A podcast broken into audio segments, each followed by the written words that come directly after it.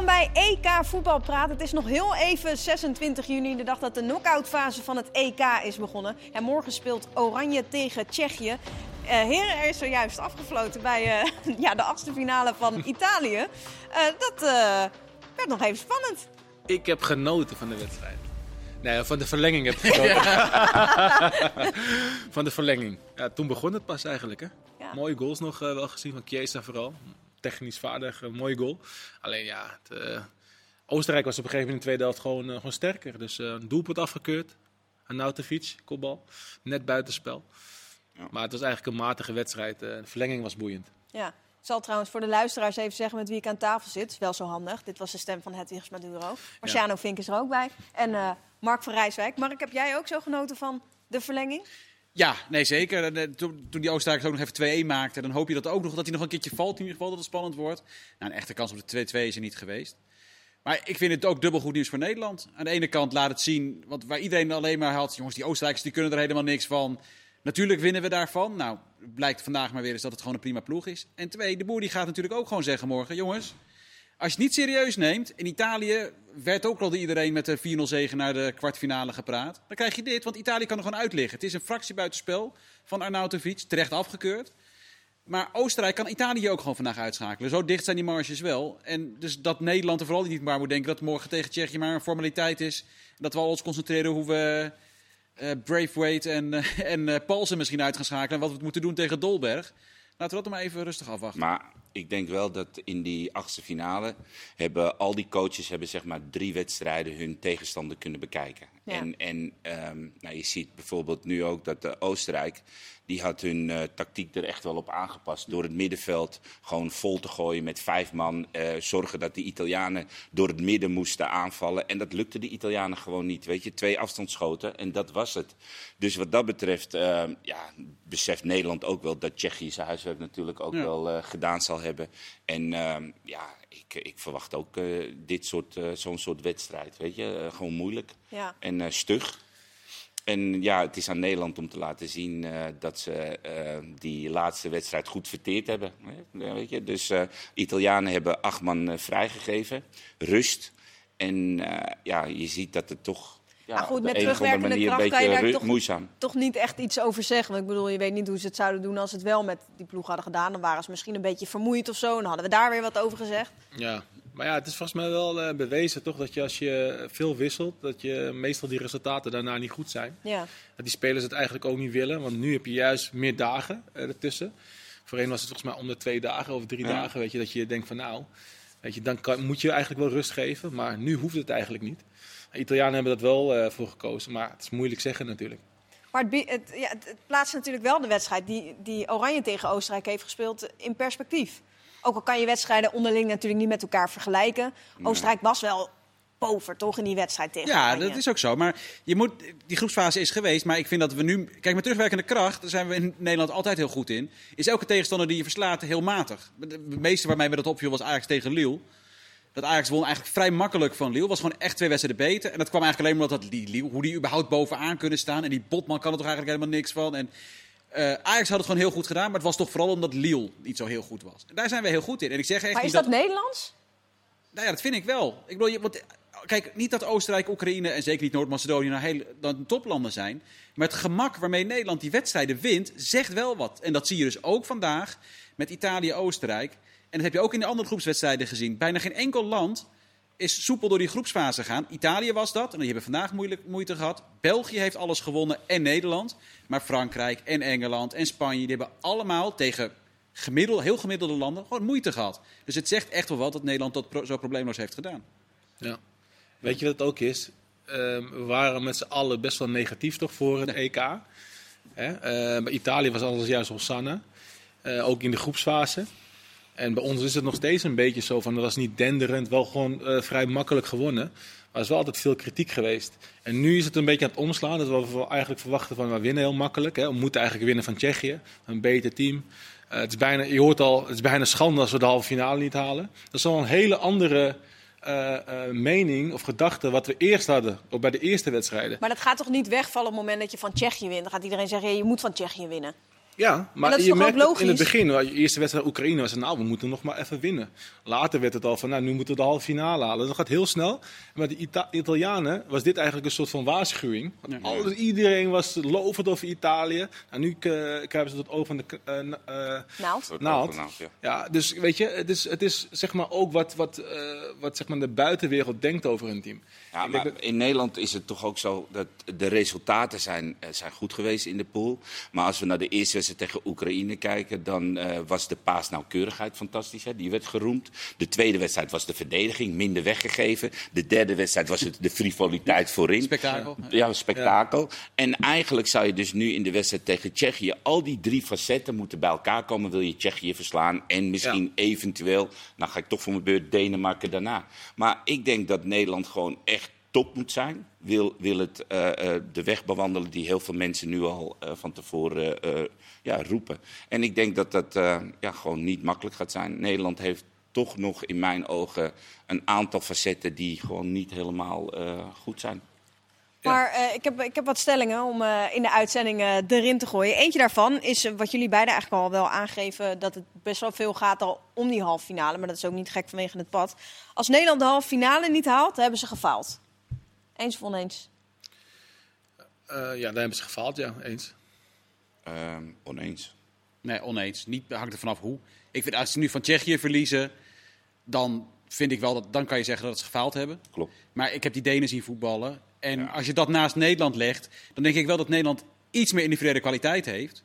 Maar die Denen hebben echt een hele goede ploeg. En als jij daar in een hele mooie wedstrijd, je haalt zelf ook een acceptabel niveau, maar die Denen blijken ook zo goed zoals we ze hebben gezien dit toernooi. Want die waren tegen de Finnen goed, tot dat moment met Eriksen. Die waren tegen België grotendeels gelijkwaardig. En die hebben daarna even Rusland en Wales compleet van de mat geveegd. Dus Ah, die ik zou het niet bij voorbaat een schande vinden als wij van Denemarken Die verliezen. zitten gewoon in een nog betere flow door, door omstandigheden. En, en alles klopt bij de Denen. Op de eerste 15, 20 minuten vandaag na klopt het. Weet je? Ik bedoel, ze hebben een, systeem wat, wat past. Ze hebben een coach die zich heel snel kan aanpassen als hij ziet dat er iets niet loopt. Eh, ze hebben een fantastisch middenveld die exact het eh, team aanstuurt met druk zetten, inzakken. Ze schromen ook niet om gerust 5-4-1 of 4-5-1 te, te spelen. Het maakt ze namelijk niet uit. Alles gaat daar op een bepaalde passie en een bepaald geloof. En ik denk ook een klein beetje het doen voor Eriksen en voor al die eh, Denen. Op de... En dat zie je terug. Het straalt zoveel enthousiasme uit. En dat mis ik bij, bij een heleboel ploegen. Ik vind het gewoon beter. Gewoon betere spelers. Laat het zo zeggen. En ik begrijp het heel goed dat Denemarken speelt supergoed. Als je zegt van tevoren moeten wij winnen van, van Tsjechië en van Denemarken, zeg ik ja. Weet je, ehm, en de doelstelling van de KVB was zelf van tevoren al halve finale halen. Dus daar denk ik ook aan. Van, ja, zij vinden het zelf ook volgens mij. Als ze niet de halve finale hebben gehaald, hebben ze eigenlijk een beetje gefaald. Ehm, dus meer zo. En ik vind ons gewoon beter op papier. Hè? Op papier qua betere spelers. Als je kijkt, vergelijkt met de spelers van Denemarken of het van Tsjechië, vind ik ons gewoon beter. Kijk, Tsjechië natuurlijk sowieso op papier. Maar als je Denemarken en Nederland naast elkaar neerlegt... niet dat ik nu over die wedstrijd heen wil kijken, gaan we toch even doen. Maar we kunnen het over Denemarken hebben, want die hebben vandaag zien voetballen Ja, natuurlijk. ja. Ja, en als je dat ziet, en eh Christensen en Kjær hebben ze daar achterin wat top is. Ik denk dat ze de beste... Kjær wel geblesseerd eraf Ja, natuurlijk. was, die fitheid is wel een probleem. Ze hebben de beste, of in ieder geval één van de beste keepers van het hele EK. Met Schmeichel. Delaney samen met Heubjerg daar op het middenveld. Dat is een ongelooflijk, dat blok met Kjær, Christensen, Heubjerg, eh Delaney. Ja, dat is echt heel erg goed. Is goed, weet je, maar als je, ik weet je hoe zij ook naar ons kijken. Ja, nee, Ze we- met we Wijnaldum gaat naar de. Paris Saint-Germain. Tuurlijk. En je gaat naar Barcelona. We hebben een middenvelder van Barcelona. De Vrij zit bij Inter, is kampioen geworden. Matthijs de Ligt, eh, Juventus. Als je al gewoon de as neemt, is wereldtop, hè? Absoluut. Maar zij, Zeg maar, maar. Nee, maar daar heb jij ook helemaal gelijk in. Alleen ik denk dat eh, ehm, soms bij EK's, WK's zijn het teams die ook echt als team opereren. 100%, En dan kan, je tuurlijk bij, dan kan je bij Juventus spelen of bij, eh, voor mij bij Barcelona de belangrijke spelers zijn. Weet je, eh, vaak is het zo dat die, die, die ploegen die als team, hebben we bij Italië gezien, vooral de eerste wedstrijden, dat was gewoon bijna eh, ehm, zo- een clubverband, hè, zo, zo gepassioneerd en zo eh, op elkaar afgestemd. En ik denk dat die Denen eh, dat ook hebben. En nou kijken we er wel overheen, maar ik denk dat Nederland, ehm, ja, weet je, het, het, het wordt echt een, een clash. Weet je, in Nederland prima, maar ik denk dat die Denen qua, qua passie en qua, qua er voor, voor, voor, voor willen gaan, net even iets beter zijn. Maar op papier heeft Nederland toch een betere spelers? Tuurlijk. Op Maar papier- ik ben het wel eens. Ik ben het helemaal eens met qua energie en, eh, en team. Daar ben ik het echt helemaal eens. Want je ziet gewoon wat groeien in, bij de Denen, vooral hè. Ehm, dus daar ben ik het wel, wel mee eens. Maar ik vind ook wel dat Nederland op een gegeven moment ook met iets moet komen. En ik denk, ik geloof ook dat Nederland daarin gaat groeien als Nederland in één keer de halve finale eh, gaat Maar halen. al die facetten moeten bij elkaar komen. Die Tuurlijk, tuurlijk, die- tuurlijk. Dat hoop ik. komt. Dat hoop ik. Dat maar wat hoop ik, ik. mooi vond vandaag, dat was na afloop. Die keer die gaat er dus uit met een hamstring, blessure, licht. Maar die, eh, die, die, die neemt dan nog even de moeite om naar Dolberg te gaan, even hem vast te pakken en, en Dolberg te feliciteren met een fantastische wedstrijd. Gebeurt ook in Nederland, gebeurt ook bij andere teams. Maar bij die Denen lijkt het ook net even meer aan te komen hè, in, je, in, je- emotie. En dat vind ik mooi. En, en ja, ik denk dat deze eh, Denen voor niemand gaan wijken. Voor wie, voor wie moeten we nou zijn als dan Nederland eventueel tegen Denemarken speelt? Dat lijkt me niet zo heel ingewikkeld. Maar goed, jij laten wilde, we bij, eerst, laten we jij eerst wilde even bijna een oranje shirt aantrekken vandaag. Nee, nee, ik wilde gewoon dat jij iets oranjes aan zou trekken. Oranje koorts. Nee, maar goed, we hebben Denen, volgens mij, Denemarken nu goed geanalyseerd. Het lijkt nu handig om naar Tsjechië te gaan kijken. We hebben Absoluut. Denemarken, we hebben het goed genoeg. We, ik was echt onder de indruk, die Merle, sowieso Atalanta, die, die, die zullen zich ook eh, eh, ongelooflijk goed vermaken, de Atalanta supporters, dit toernooi. Want Pessina, hè, die maakt ook weer een doelpunt. Die zijn echt heel goed bezig. eh, eigenlijk alle spelers van Atalanta. Eh, maar die Merle zeker, want ja, zo goed kende ik die eerlijk gezegd niet. Als hij dan een keer speelde, was ik meer aan het balen dat Hatenboer niet speelde. Goossens, ja. Precies. Dus, dus Atalanta doet het fantastisch.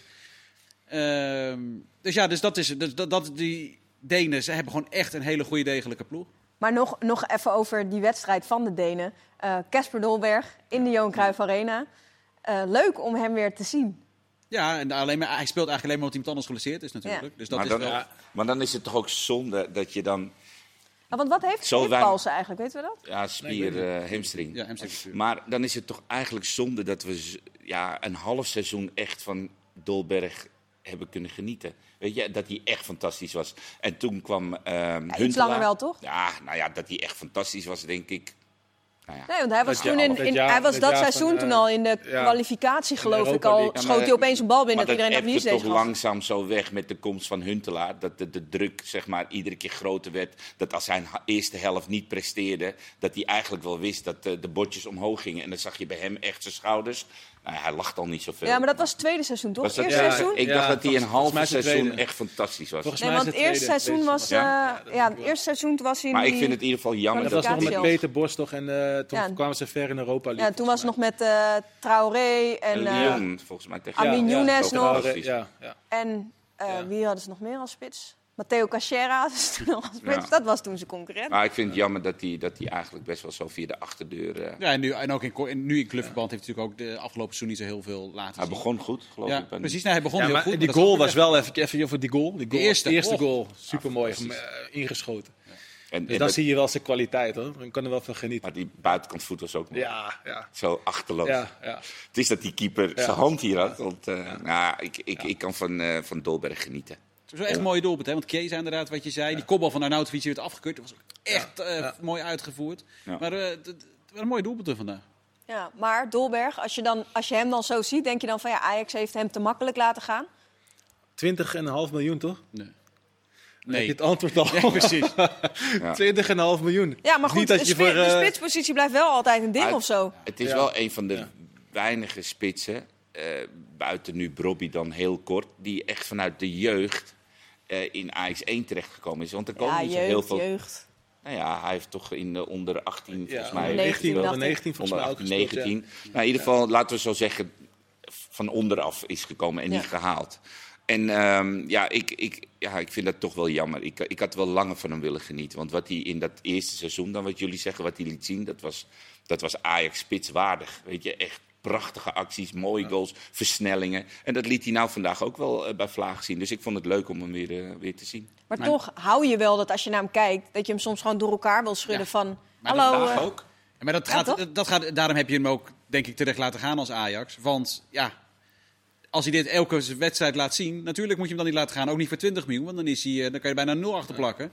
Tenminste, nou. ik zet je er een 1 voor, vooruit. Nee, maar als, als hij, zoals hij inderdaad op zijn absolute top speelt, als spits... Vandaag was het niet eens eh, exceptioneel of zo. Maar inderdaad, wat jij zegt, wat we hebben gezien bij Ajax. Als hij dat niveau wekelijks haalt, ja, dan is het gewoon een spits van 100 miljoen. Daar is toch geen enkele discussie over. Maar het is Dolberg, dus je weet dat hij dat niet heeft. Er was eventjes 50 miljoen, toch, Monaco? Die wilde Ja, de, Ja. ja. eerste jaar. Eerste Volgens mij. jaar Toen wilden ze hem niet laten gaan. Nee, wilden ze niet 16 laten gaan. miljoen of zo. Dan, eh, dan, was dan weet je dat hij kan groeien naar nog veel meer dan dat. En uiteindelijk blijkt hij, da- ja, wat dat dan ook is, karakterologisch, of, eh, dat heeft hij dus niet. Ja, want het blijkt wel iets geks. Omdat je hem dan soms ziet en dan zie je een glimp van wat het zou kunnen zijn. Maar dan eh, ook toch vaak weer geblesseerd. Ook dit jaar bij Nice ook weer Je ziet toch hetzelfde, hetzelfde op, maar op een heel ander vlak is toch Arnautovic. Als Arnautovic constant is op wat, wat hij zou kunnen brengen, dan is hij ook Ja. een spits van 100 miljoen. Ja. Om een kop- echt compleet tegenovergestelde reden van, van Dolberg is hij dat niet. Ja. Als, er, als daar zo'n soort mix zou kunnen zijn, karakterologisch, van Arnautovic en Dolberg, dan kom je uit bij wat denk Ja. ik een spits moet hebben. Lekker voldoende zelfvertrouwen, maar niet zoveel dat hij... Oh, nu ook weer, hè? Want hij maakt het doelpunt, die Arnautovic. Hij is weer boos. Ja. Ja. Hij is weer Hij boos. weer, eh, Hij is gewoon boos op de wereld. Hij is Ja, altijd boos.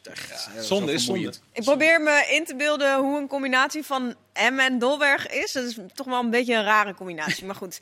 Ehm, ik had nog een stelling, eh, misschien een beetje een gekke stelling, maar eh Eriksen heeft natuurlijk nu een, een, een kastje geplaatst gekregen. We hoorden eh, onze Kenneth bij de collega's van de NOS ook vertellen hoe het met Eriksen ging. We weten nu dat eh, bijvoorbeeld in Italië mag je niet spelen met zo'n kastje. Ehm, Ajax moet proberen Eriksen te halen.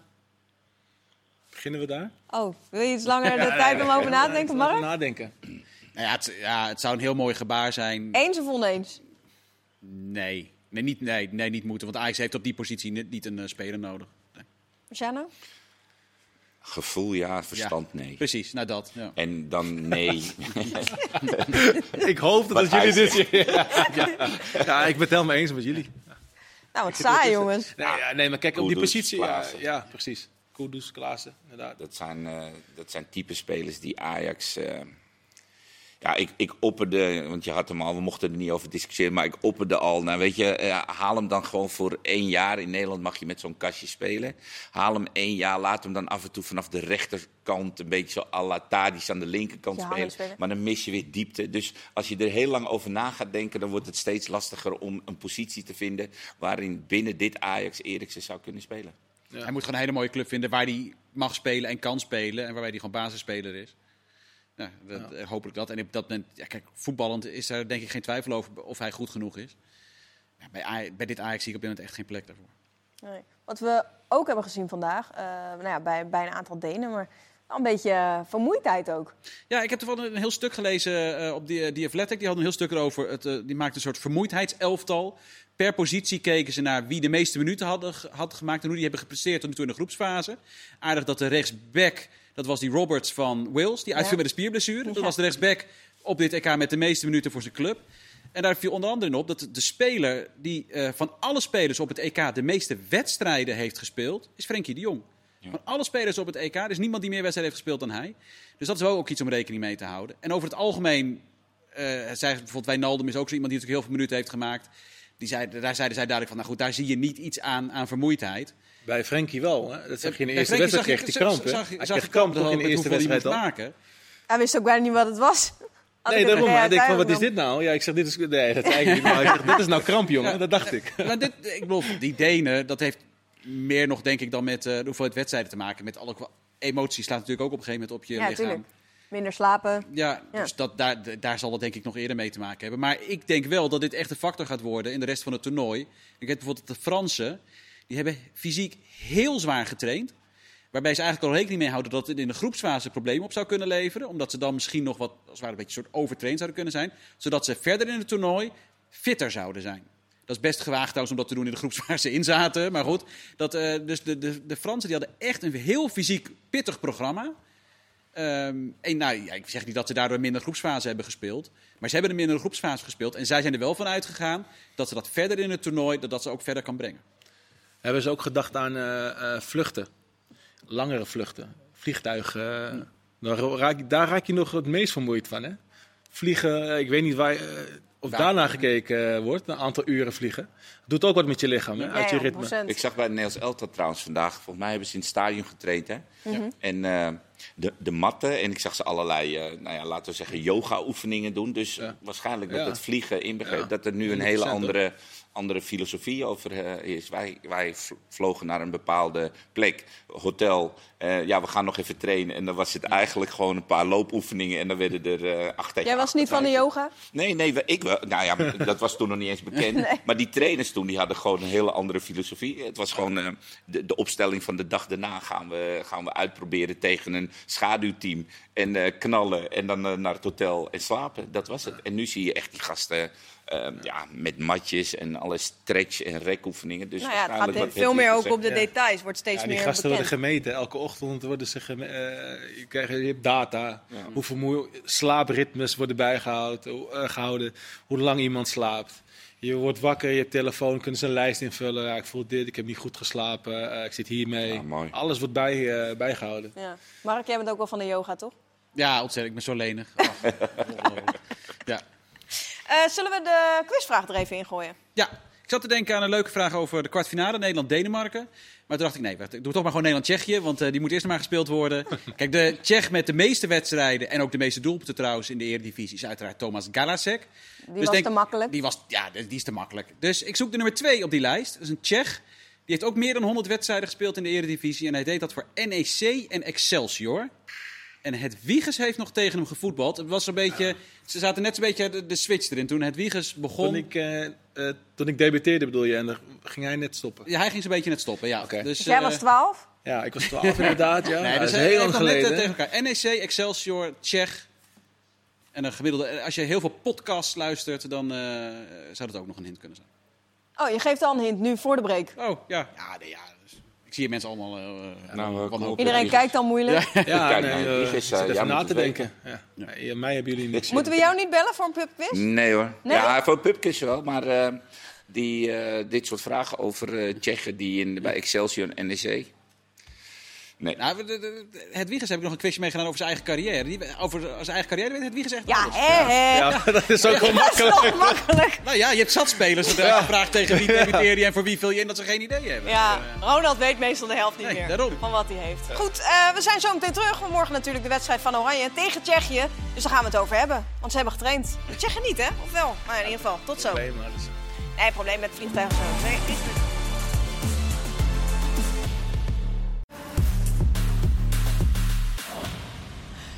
Welkom terug. Goedemorgen wilde ik zeggen. Dat is ook passend, ja, toch mannen? Ja, nou ja, zeker. Goedemorgen. Goedemorgen. Ja, nou, klasse. Jullie zitten er nog. Hartstikke Ontbijtje zo meteen nog erbij. Lekker man. Nou, een beetje, een beetje laat of heel vroeg om te ontbijten, denk ik. Ja, maar waar. het is dus nu wel de dag van de achtste finale van Oranje. Uh, hebben we er een beetje zin in? Leeft het een beetje? Of kan dat niet, omdat er zoveel overheen wordt gekeken? Nee, nou, ik denk dat de spanning wel op gaat lopen. Ja, ik bedoel, dat was zei ik al, deze wedstrijd tussen Italië en Oostenrijk die we net hebben gezien, dat is gewoon voor iedereen. Denk ik, oh ja, wacht even. Eerst nog toch maar even winnen van die Tsjechen. Zo makkelijk zal het allemaal niet gaan. Die hebben, het ook, eh, die hebben een redelijke poolfase gehad. Die hebben een paar, paar hele aardige spelers. Als die Chic opeens het weer op zijn heupen krijgt. En, wij, en wij zijn gewoon niet... Kijk, als wij nou geen enkele kans hadden weggegeven eh, drie groepswedstrijden lang... dan had je regel, nou, die pakken we zeker wel. Maar Tsjechië is toch echt niet goed? Ja, maar als Noord-Macedonië had ook met 2-0 voor kunnen staan. Hè? Die, zijn, die zijn echt nog minder dan de Tsjechen. En eh, laat ik zo zeggen, als Chic... Ik heb het gevoel dat als Chic de kansen krijgt die wij Noord-Macedonië gaven... dan komen we achter. Dus, dus, dus moet je wel geconcentreerd zijn. maar Noord-Macedonië was... een wedstrijd waar de ja, druk er niet op zat. Dus je moet geconcentreerd zijn. En dat zal je normaal gesproken ook zijn. Maar dat moeten we dus wel zijn. Marciano, hoe was nou jij bij wedstrijden als de, als, er geen, ja, als de druk er eigenlijk niet echt op zat? Als de druk er niet op zat, dat, weet je, dat is gewoon menselijk. En, en, en dan ben je minder scherp. En je staat er net even, in plaats van heel kort, sta je er een meter vanaf. En, en je kijkt om je heen, even, net even iets te vaak. Dus het gevoel, en, en dat snap ik ook wel. Alleen, wat ik al eerder aangaf, bij Nederland zullen al die facetten die ik al eerder genoemd heb, dus uh, het, de verdediging zal top moeten zijn en chic absoluut geen ruimte geven. Maar je zal toch ook die snelheid moeten benutten achter de verdediging. Dus je zal ook een Malen en een Depay moeten hebben die bereid zijn om, om die loopjes te maken.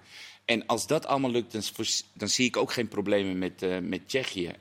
Ik denk dat Nederland gewoon een betere selectie en als Nederland gewoon doet wat ze moeten doen, hoeft het geen probleem te zijn. Alleen Nederland geeft net even te veel kansen weg. En ze zijn op sommige momenten net even te ver vooruit. En in de omschakeling dat ze verrast worden. En dat gebeurt bijna elke wedstrijd. Alleen als je dat eruit weet te halen, denk ik dat Nederland gewoon qua talent en qua uh, spelersmateriaal geen probleem hoeft te hebben tegen Tsjechië. Ja. En Nederland heeft nog niet achter gestaan hè, op dit EK. Hè? En dat, Ook dat gaat factor, er ook een andere... ja, Weet je, van oh, sh- shit, maar we staan achter. Ja. Weet je, we hebben nu telkens voorgestaan als eerst gescoord. En dan moet de tegenstander eigenlijk wat doen. En dan kan je zelf op, eh, met snelheid eh, eh, de, de ruimtes benutten. Ehm, maar ja, je bent beter dan Tsjechië. Dat is wat jij zegt. Hè. Alhoewel de geschiedenis is een voordeel van de Tsjechen. Hè? Nee, maar dat vind ik altijd zo'n onzin. Ja, maar weet je wat het ook wel mooi is? We maar ik al- bedoel, ik vind wat- dat we altijd beter, eh, betere selecties hadden dan Tsjechië. Altijd. Tsjechië Ook- had Jan Koller. Ook, ook, ook, ook toen in die periode hadden we, waren- hadden we ook een betere selectie, weet je. Maar het is, het is een gegeven, maar ik vind dat we gewoon bedoel, moeten winnen. Dan, dan, dan worden er altijd wedstrijden bij gehaald van jaren terug. Totaal Nee, verschillende teams. ben Denk, ik ja, het- wat zegt Daar ben ik het het nou? wel met je eens. Alleen, ik denk dat Nederland gewoon aan zijn stand verplicht is om deze wedstrijd heel serieus te benaderen en gewoon te doen waar ze heel goed in zijn. En dat is wat ze eigenlijk de laatste wedstrijd eh, tegen Macedonië aanvallend hebben laten zien. En wat ze tegen, eh, wat was de tweede wedstrijd, Oostenrijk verdedigd hebben laten Als je die twee dingen nou combineert, Malen, Depay, die elkaar gaan vinden, en Wijnaldum die nou, in, in grootste vorm verkeert. Ik denk dat er geen, geen probleem hoeft te zijn. Alleen je hebt natuurlijk momenten in wedstrijden waarin Nederland Nederland is. En net niet scherp of net verrast wordt. En standaard kom- situaties hè, ook. Hè. Daar zijn die Tsjechen wel goed in. Je haalt Weghorst eruit, is dat een, een lange kopper. Ja. Hè. Bij corners verdedigen, die malen erin. Dus weer andere, Maar die gaan die koppen. liet zich ook verrassen Ja, bij die goal. ja, dus maar het is voor de organisatie, zeg maar, iemand, iemand met lengte. Nou, die Tsjechen, enige waar we eigenlijk eh, nou, niet bang voor hoeven te zijn, maar waar we voor moeten waken, zijn standaard situaties. En die rechtsback vind ik, eh, vind ik goed. Hoe heet die nou? Koe- Koeval? Koeval. Koeval. Ja. Ja, het was wel een mooi verhaal van. eh, je moet ook opletten hoe die coacht. Want eh Grealish die vertelde dat eh, hij, hij was bij zijn actie bezig. Hij gaf de voorzet op Sterling waar hij uit Engeland scoorde. En hij hoorde eh Soufal coachen, maar in het Engels. Heel apart, naar zijn ploeggenoten. En die zei, let op die rechter van Grealish. He's right, he's right. Dus ik weet zo überhaupt niet waarom ze in de Tsjechische nationale ploeg coachen in het Engels. Maar goed, waarop Grealish dacht, oh, als iedereen denkt dat ik naar mijn rechter ga, dan ga ik gewoon door. En dan gaf hij voorzet inderdaad met links en die kwam aan. En daar scoorde Sterling uit. Dus Grealish, die bedankt eigenlijk eh, het zoveel voor het coachen in de taal die, eh Ja. die Ja, Grealish kon begrijpen. Waardoor hij naar zijn linker kon gaan. Maar ik vond het ook een heel apart Ja. verhaal. Waarom Ja. Zit je in dit... Ik bedoel, ja, er zitten toch allemaal... Ik spreek toch, neem ik aan, ook allemaal Tsjechisch. Ja, maar misschien Ja, als het zo, de erin- Premier League. oh, als het Ja, zo precies. Ja, maar de Ja, met- super, is- met West Ham is hij dat natuurlijk Nou, niet slim, niet slim natuurlijk. Nee, maar dus, eh, het, Nederland gaat, neem ik aan... Ik bedoel, Nederlands coach, ja. Ja, ik neem niet Ja. dat Frenkie opeens Ja. in de Spaanse uh, Ja, natuurlijk. Wijnaldum aan gaat sturen. Ja. nee, dus, dus, Maar dus dat, ik vond het, vond, het, vond het wel een mooi verhaal van, de Ja. Grealish. Eh, er was vandaag natuurlijk ook een persconferentie. Wat viel je op van wat Frank de Boer heeft gezegd daar? Nou, het ging natuurlijk onder andere over het hele gunstige schema. En daar was hij het mee eens. Maar om een iets andere reden eigenlijk dan eh, wat wij eh, denken. Want hij kijkt echt niet over die wedstrijden heen. Natuurlijk ziet hij dat pad ook wel. Maar hij had het over de rustdagen. En hij zei, wij hebben eigenlijk het ideale schema qua rustdagen. Het is 5, 5, 3, 3. En dan zei hij, dan kijk je dus wel even verder. Stel eens dat je de finale haalt. Dan heb je, heb je echt mooi die rustdagen. Wat dan op een gegeven moment wordt het weer wat korter. Maar dat is ook prima, want dan zit je verder in het toernooi.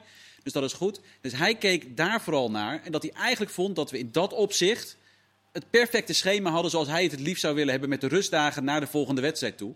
En dat is in een toernooi waar- waarbij je inderdaad toch ook op een gegeven moment normaal gesproken heel veel wedstrijden in korte tijd gaat spelen. Valt dat dus nu in dit opzicht nog wel mee?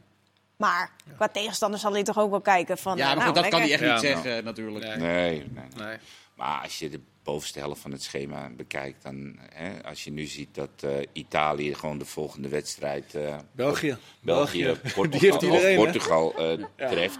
En dat je daarna in principe nog zelfs Frankrijk of als Spanje heel gek gaat doen. Weet je, het is, het is wel Ja, ongelooflijk ik, groot verschil. Ik kijk, ik kijk ergens ook alweer jaloers hoor naar die wedstrijden. Dat ik denk, ja, je wilt toch op een EK ook mooie wedstrijden? Nou, dan je hebben wil we... gewoon een EK Ja. winnen. Nee, Ja, maar kom op. Je ja. wilt toch ook gewoon echt grote wedstrijden, wat, wat gewoon vet is om naar te spelen kijken. niet hoor, als spelen niet. Om te kijken wel. Als spelen wil je gewoon de makkelijkste eh, Ja, je wil tegenstanders. gewoon- Je wilt gewoon winnen. Het EK Ja. winnen. En dan denk je, nou, ja, maar laat als die spelen makkelijk... vind je toch ook vet om tegen Ja. Duitsland te spelen Tuurlijk, of zoiets? maar als spelen wil je ook gewoon een half finale. Ja, precies. mooi. Laat ze maar in de halve finale finale komen. Ja, halve finale Duitsland, En dan- finale Frankrijk en dan, verslaan. En dan pakken we ze. Maar, wa- maar hoe denk je dat, zeg maar, hoe, hoe het met het vertrouwen van de ploeg zit dan? Als je in een, in een pool hebt gezeten met dit soort landen, dan speel je nu tegen Tsjechië. Ja. Dan vraag je jezelf toch ook een beetje af van, ja, hoe staan we nou eigenlijk voor? Dan kan je wel denken, Ja, ja, we zijn goed, we trainen goed. Ja. Als je tot de halve finale kan komen en je daarachter kan vinden, is het ook prima. Ik denk dat die spelers zo denken, nou laten we maar een lekker sterk land in de halve finale komen. En die gaan we dan pakken en dan weten we waar we staan. Maar ik denk en ze ook- weten wat, wat, wat, wat Marciano zegt, weet je, al die facetten en het ingroeien. Als ze dat beseffen, ja, dan zie je ook wel, kan je ook echt aantoonbaar laten zien van, kijk, we zijn groeiende. Dit hebben we verkeerd gedaan in die wedstrijd. Nou, dit doen we wel beter gedaan. Hier staan we nu. En dat moet eigenlijk de trainer doen. Ja. Met beelden. En ja, dat moet dan de, de groep vertrouwen geven. En op een gegeven moment moet je in staat zijn ook om van sterkere landen te kunnen winnen. Maar als het halve finale Zweden en finale Zwitserland wordt, denk ik echt niet dat Frenkie de Jong zit te huilen. We hebben tegen geen enkel goed land gespeeld. Ja.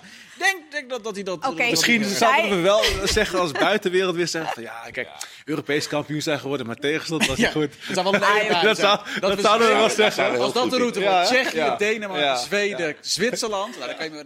Nou, dan ga ik echt huilen hoor, sorry. Dan ga, hoeft Frenkie de Jong niet te huilen, ga ik huilen. Oh, nou, ik, ja, ik ook, van geluk. Als we Nee, maar ik bedoel, we hebben, toch, we hebben toch vroeger hebben we toch ook niet over dat je met drie wedstrijden hoeft te Maar- winnen. maar Was je Europees kampioen. Ja, nee, maar ja, ja maar... Daar heeft niemand het over. Ja. En Portugal werd Europees kampioen omdat ze, er in, terwijl ze in de groepsfase geen enkele wedstrijd wonnen. Ging alleen maar met gelijk. mazzel door.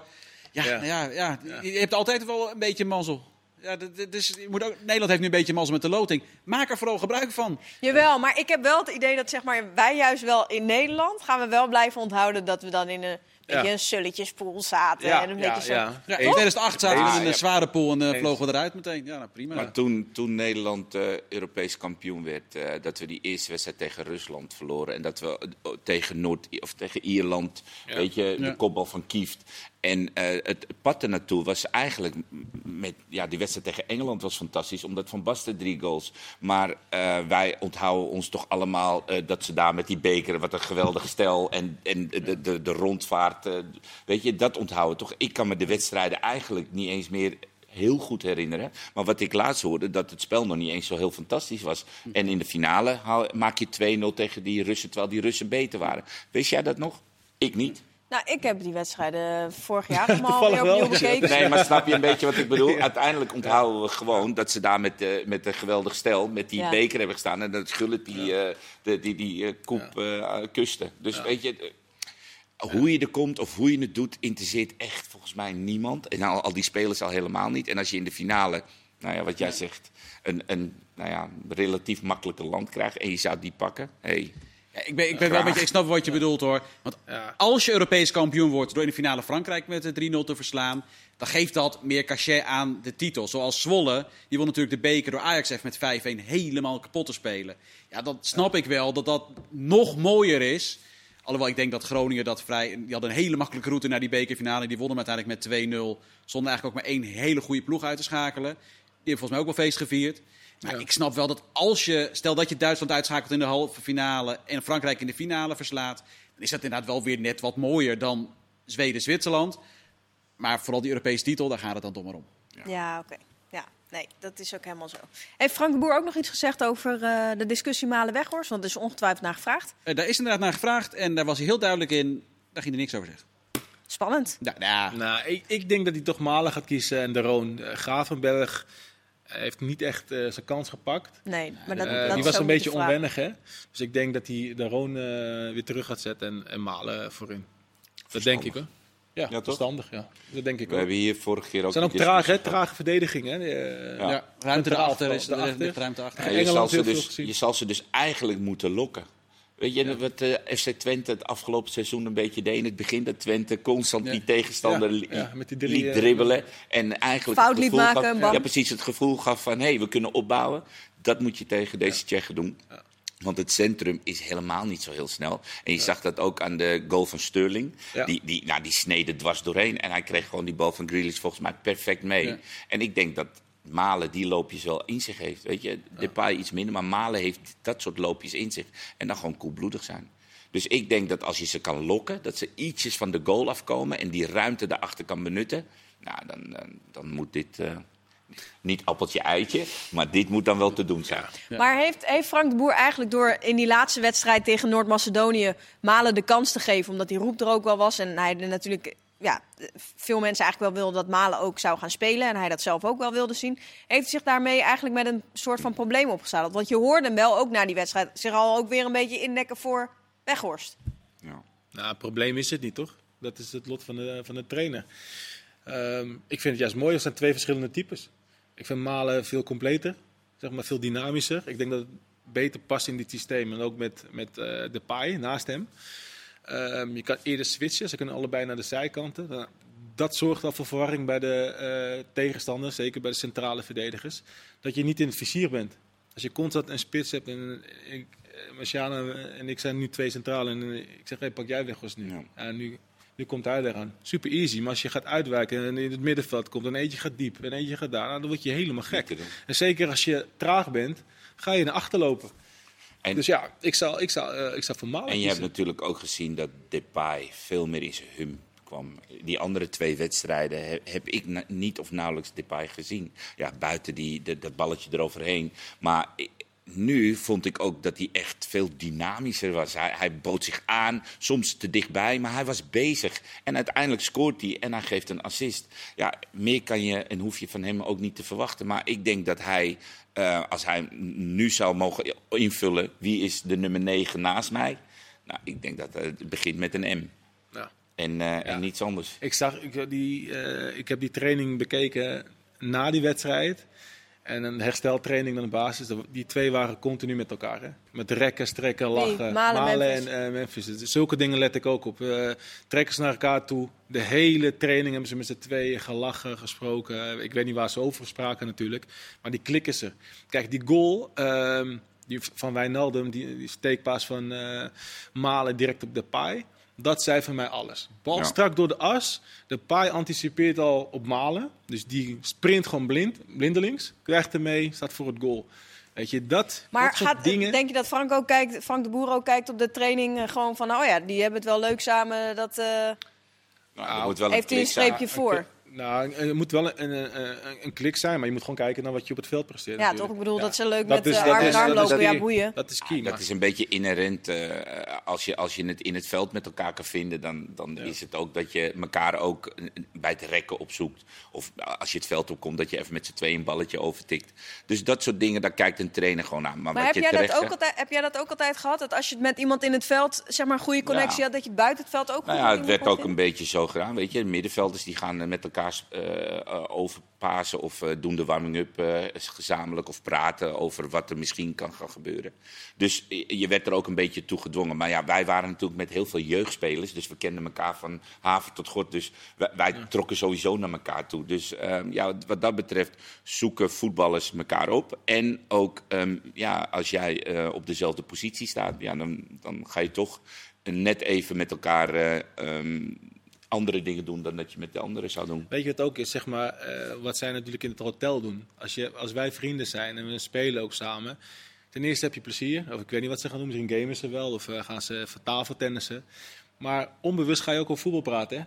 Logisch, van nee, die actie, heb, je, heb je die actie gezien, dat moeten wij ook doen. Weet je? Gewoon heel ja. zulke kleine dingen kunnen al helpen. Hè? Van in de wedstrijd onthoud je zulke dingen. Als je niet ja. met elkaar omgaat, uh, of wat minder omgaat, ja, dan moet je dat natuurlijk doen in de, alleen in de wedstrijd, in de training. Ja, nu moeten ze, moeten ze, zijn ze sowieso helemaal op elkaar aangewezen. Dus. Nee, nee, klopt. Ja. Dat, dat kan inderdaad precies wat het weer zegt. Enorm voordeel zijn dat je nu veel meer contact hebt met elkaar. En dan gaat het niet alleen maar over uh, Formule 1 uh, simulator spelen, maar ook over uh, voetbalinhoudelijke dingen. Ja, maar dat had Van Nistelrooy toch ook gezegd, dat hij vond dat deze groep heel erg met elkaar bezig is in de, in de openbare ruimte, zeg maar, waar iedereen ja. uh, gamet, zit. Dat ze allemaal met elkaar bezig zijn. En dat, ja, dat, dat, zien wij niet en wij horen dat niet. Maar hij gaf een beetje een inkijk dat, niemand, dat er niet groepjes op een kamer zitten, maar dat ze gewoon echt met elkaar bezig zijn. Dat vind ik echt uh, bijzonder om te horen. het zou ook heel raar zijn als hij zou zeggen van, uh, ja, nou, iedereen... nee, maar hij, hij praat van Noordwijk, hè. We zaten in Huis te Duin, dat was dat er niet. Wat, kijk, bij de KVB op het campus hebben ze een eh, accommodatie. Alles is ingericht voor die spelers. Dus je hebt een, een, spelruimte, bij wijze van spreken, waar ze kunnen gamen, waar ze kunnen dachten, waar ze kunnen tafeltennissen. Gewoon een hal, zeg maar, een chillkamer met een grote tv. Je kan gewoon soort van huiskamer, kan je gewoon voetbal checken. Nou, er zitten een aantal spelers.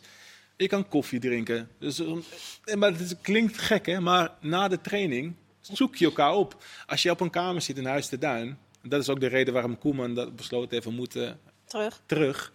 Ja, dus zoek je, ga je in de kamer en ja. ja wat ga je doen? Ja, sommigen gingen kaarten beneden in de lobby, ja, anderen niet. Ja. En... Mark, ik zag je nog even je telefoon erbij pakken. Is er nog iets interessants? Nee, nee, kijk even een goede antwoord op Chris. Waar waren binnengekomen. En? Ja. Echt? Ja, ze- nou, nou ja, zegt eh, onze kijkers niet. ik weet niet wat over onze kijkers verbaasd? hier Ben je precies nou verbaasd nu gewoon? Serieus? de kijkers met verstand van voetbal, inderdaad. Ja. zeker. Ja, ik vond het niet zo makkelijk, de vraag. Nee. Nee, Bart die, is, eh, die wist het. Eh Jarda Siemer.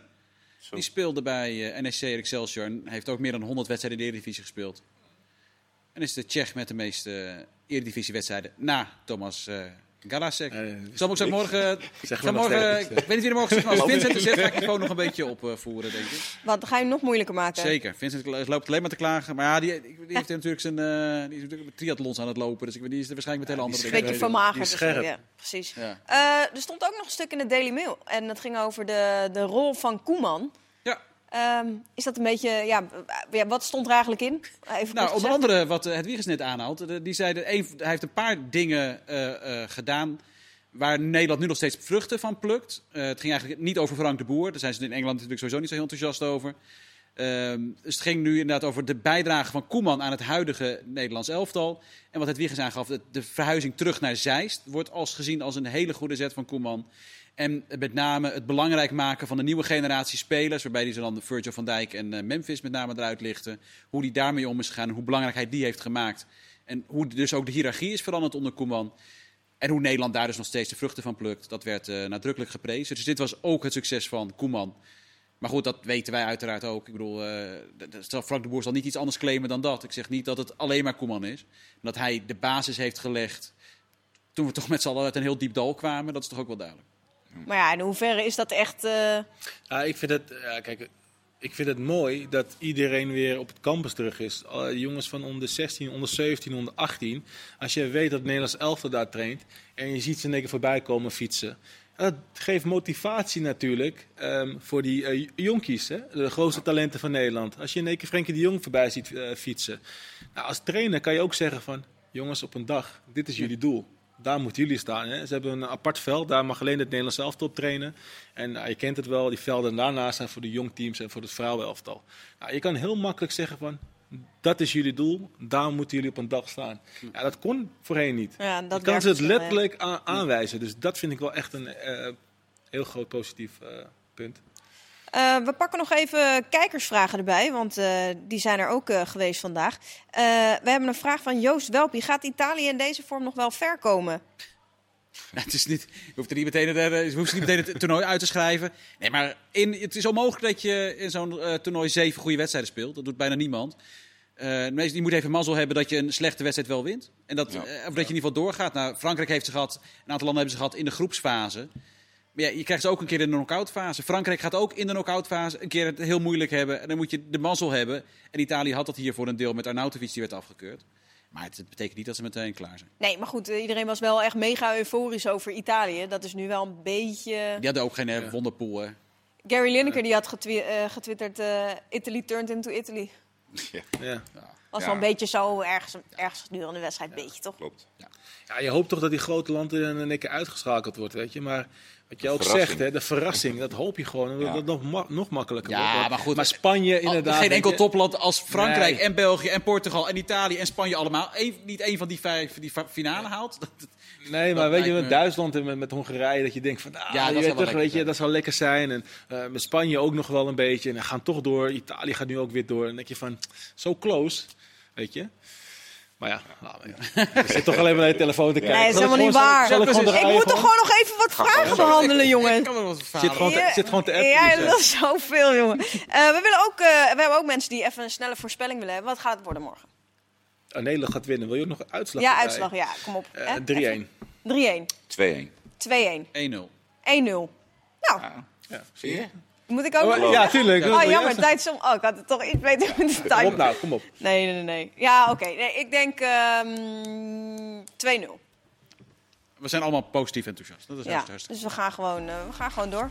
Super. Door Europees kampioen. Maar ook nog kijkersvraag wat de datum op jouw borst is. 10, Dit zijn allemaal- 9, dit zijn allemaal- 21. dit zijn allemaal rugnummers. Oh, Ik zijn dacht meer dat dan De kijkersvraag voor morgen. Ja, ik heb Ja. het, het met Ik dacht dat het een roulette, roulette was. hebben ze, we, we hebben, als goed is hebben we ze allemaal. De nummer 6 van Brazilië.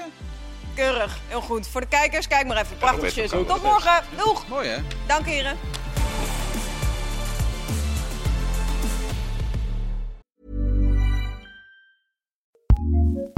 ACAST powers some of the world's best podcasts. Here's a show we recommend.